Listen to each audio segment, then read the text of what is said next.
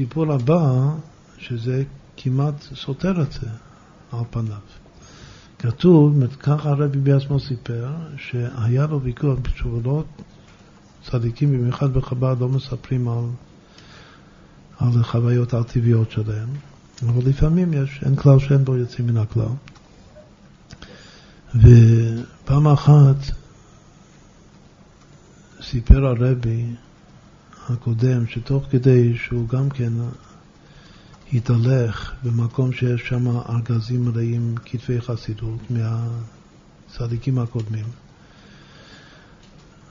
אז בין התיבות, קוראים לזה, בין התיבות של החסידות, הופיע לו אדמו"ר הזקן.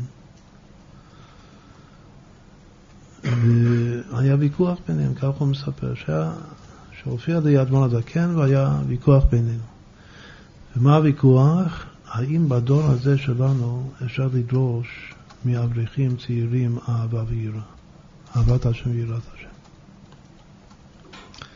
כשאדמון הזקן טען שכן, שאין שום הבדל בין הדורות הקודמים לבין הדור שלנו, וכל החסידות זה בשביל שאברכים יגיעו לאהבה ויראה, אז כמו פעם, כן היום. ואילו אני ככה אומר הרבי, אני טענתי, אני התווכחתי איתו ולא הסכמתי לזה, ואמר לי שאי אפשר לדרוש היום אהבה ויראה, למה? שאברכים שאין להם מה לשים על השולחן, שאין להם אוכל בכלל, ואין להם מה לישון בלילה, אין להם קר לישון, אתה לא יכול לדרוש מהם אהבה ויראה. ככה זה הוורט הזה, את הסיפור הזה זה הוורט הזה. אז מה, אז אמרנו שהסיפור הקודם, הסיפור הזה זה כאילו דבר והיפוכו. שהסיפור הקודם הוא שלא משנה כמה אור יש לך בשכל, במוח, אם זה לא יורד להוליד אהבה מורגשת בלב, יראה מורגשת בלב, זה עמלק. כלומר שעמלק שולט עליך. עמלק מול, מולק אותך. והנה כאן הרבי הוא מתווכח עם אדמון הזקן, הרבי הקודם אמר ש... שהיום אי אפשר לדרוש מאף אחד מהאברכים הצעירים. הדברים האלה נאמרו בשנים הראשונות של הנשיאות של הרבי הקודם, שזה תוך כדי העלייה של, ה... של השלטון הקומוניסטי ברוסיה. והדברים האלה זה היה פשוט, שלא היה גם לא לחם, יותר גרוע מלפני 200 ו-100 שנה. גם אז היו עניים. ידעו שהאדמון הזה כן העדיף את העניות של רוסיה על גבי ההבטחות, העשירות של צרפת. לכן הוא התנגד לנפוליאון. אבל אה, כמה שפעם הייתה עניות וגם הייתה הרבי האמצעי הייתה עניות נורא, אבל זה לא הגיע כלל וכלל למה שהיה בתחילת שנות ה-20 ברוסיה, שזה תחילת הנשיאות של הרבי הקודם. ולכן הוא אומר לסבא רבא שלו, לאדמון הזקן, שלא, אני לא מסכים איתך, שהיום אי אפשר לדרוש אהבה ויראה מהאברכים. עכשיו, לגבי היום, אם, אם יש לך מה לאכול ויש לך קר לישון, אז כנראה שזה חזר המצב, זה חזר לתקנו.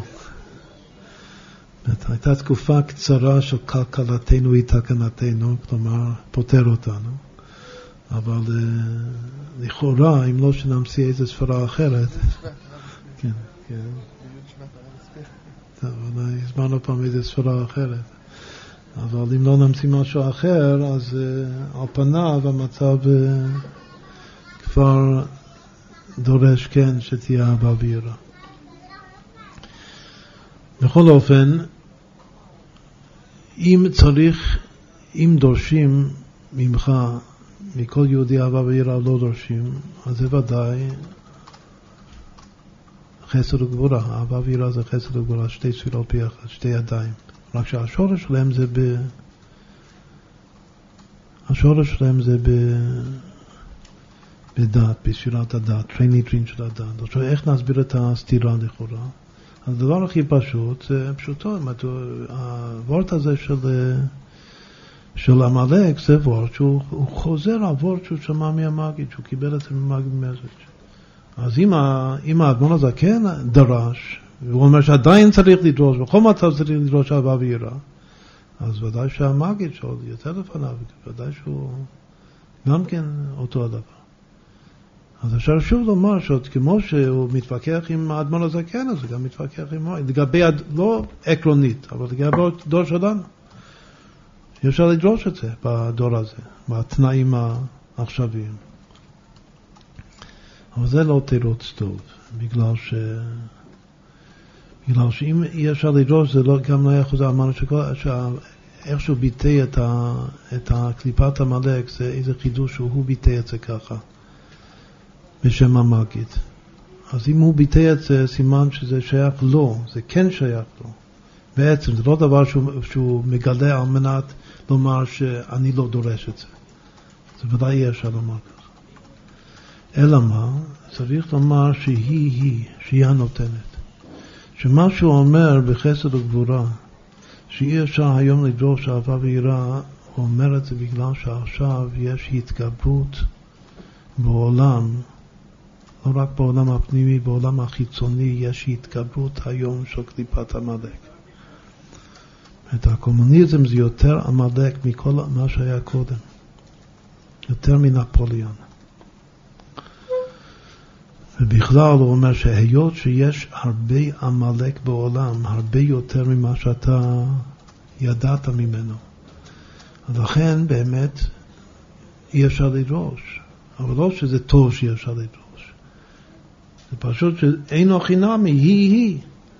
זה שאי אפשר לדרוש, שאין את הלחם, אין את הקר לישון, זה לא סתם משהו אה, פיזי, גשמי.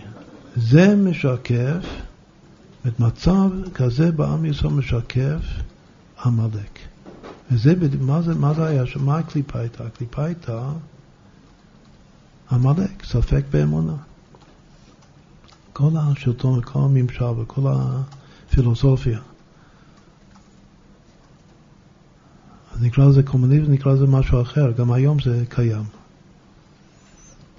זה נקרא כפירה. כפירה זה כפור. אם יש כפירה, אם יש כפור, אם הכל קפוא וכפור, כמה שזה חם בחוץ, נדמה לך שזה חם. זה כפור, שזה עולם של כפירה, כאן. ואם זה כפירה, אז אי אפשר, אז במצב כזה לדאבוננו, אי אפשר להגיע לאהבה ויראה כמו שיהודי צריך להגיע. אי אפשר לקיים את המצוות התמידיות של ואהבת את השם ולקח את השם ולקח את יראה. בגלל שיש כאן באמת עמלק. אז אם כן, משהו מתווכח, לפי זה נסביר את הסיפור, משהו מתווכח עם האדמון הזקן, הוא אומר שהלוואי, אבל יש כאן עמלק בעולם, אז שאתה תדאג, אתה ושאר הצדיקים למעלה בגן עדן, הבעל שם טוב, המגיד ואתה וכל הצדיקים תדאגו למחות, לעזור לנו למחות את זכר העמלק מתחת השמיים, אז נחזור לאהבת השם ויראת השם. אבל עד שאנחנו לא מוחים, עכשיו גם מה שאתה אומר, עד שלא מוחים כאן למטה את עמלק, אז, אז אין יותר אהבה ויראה.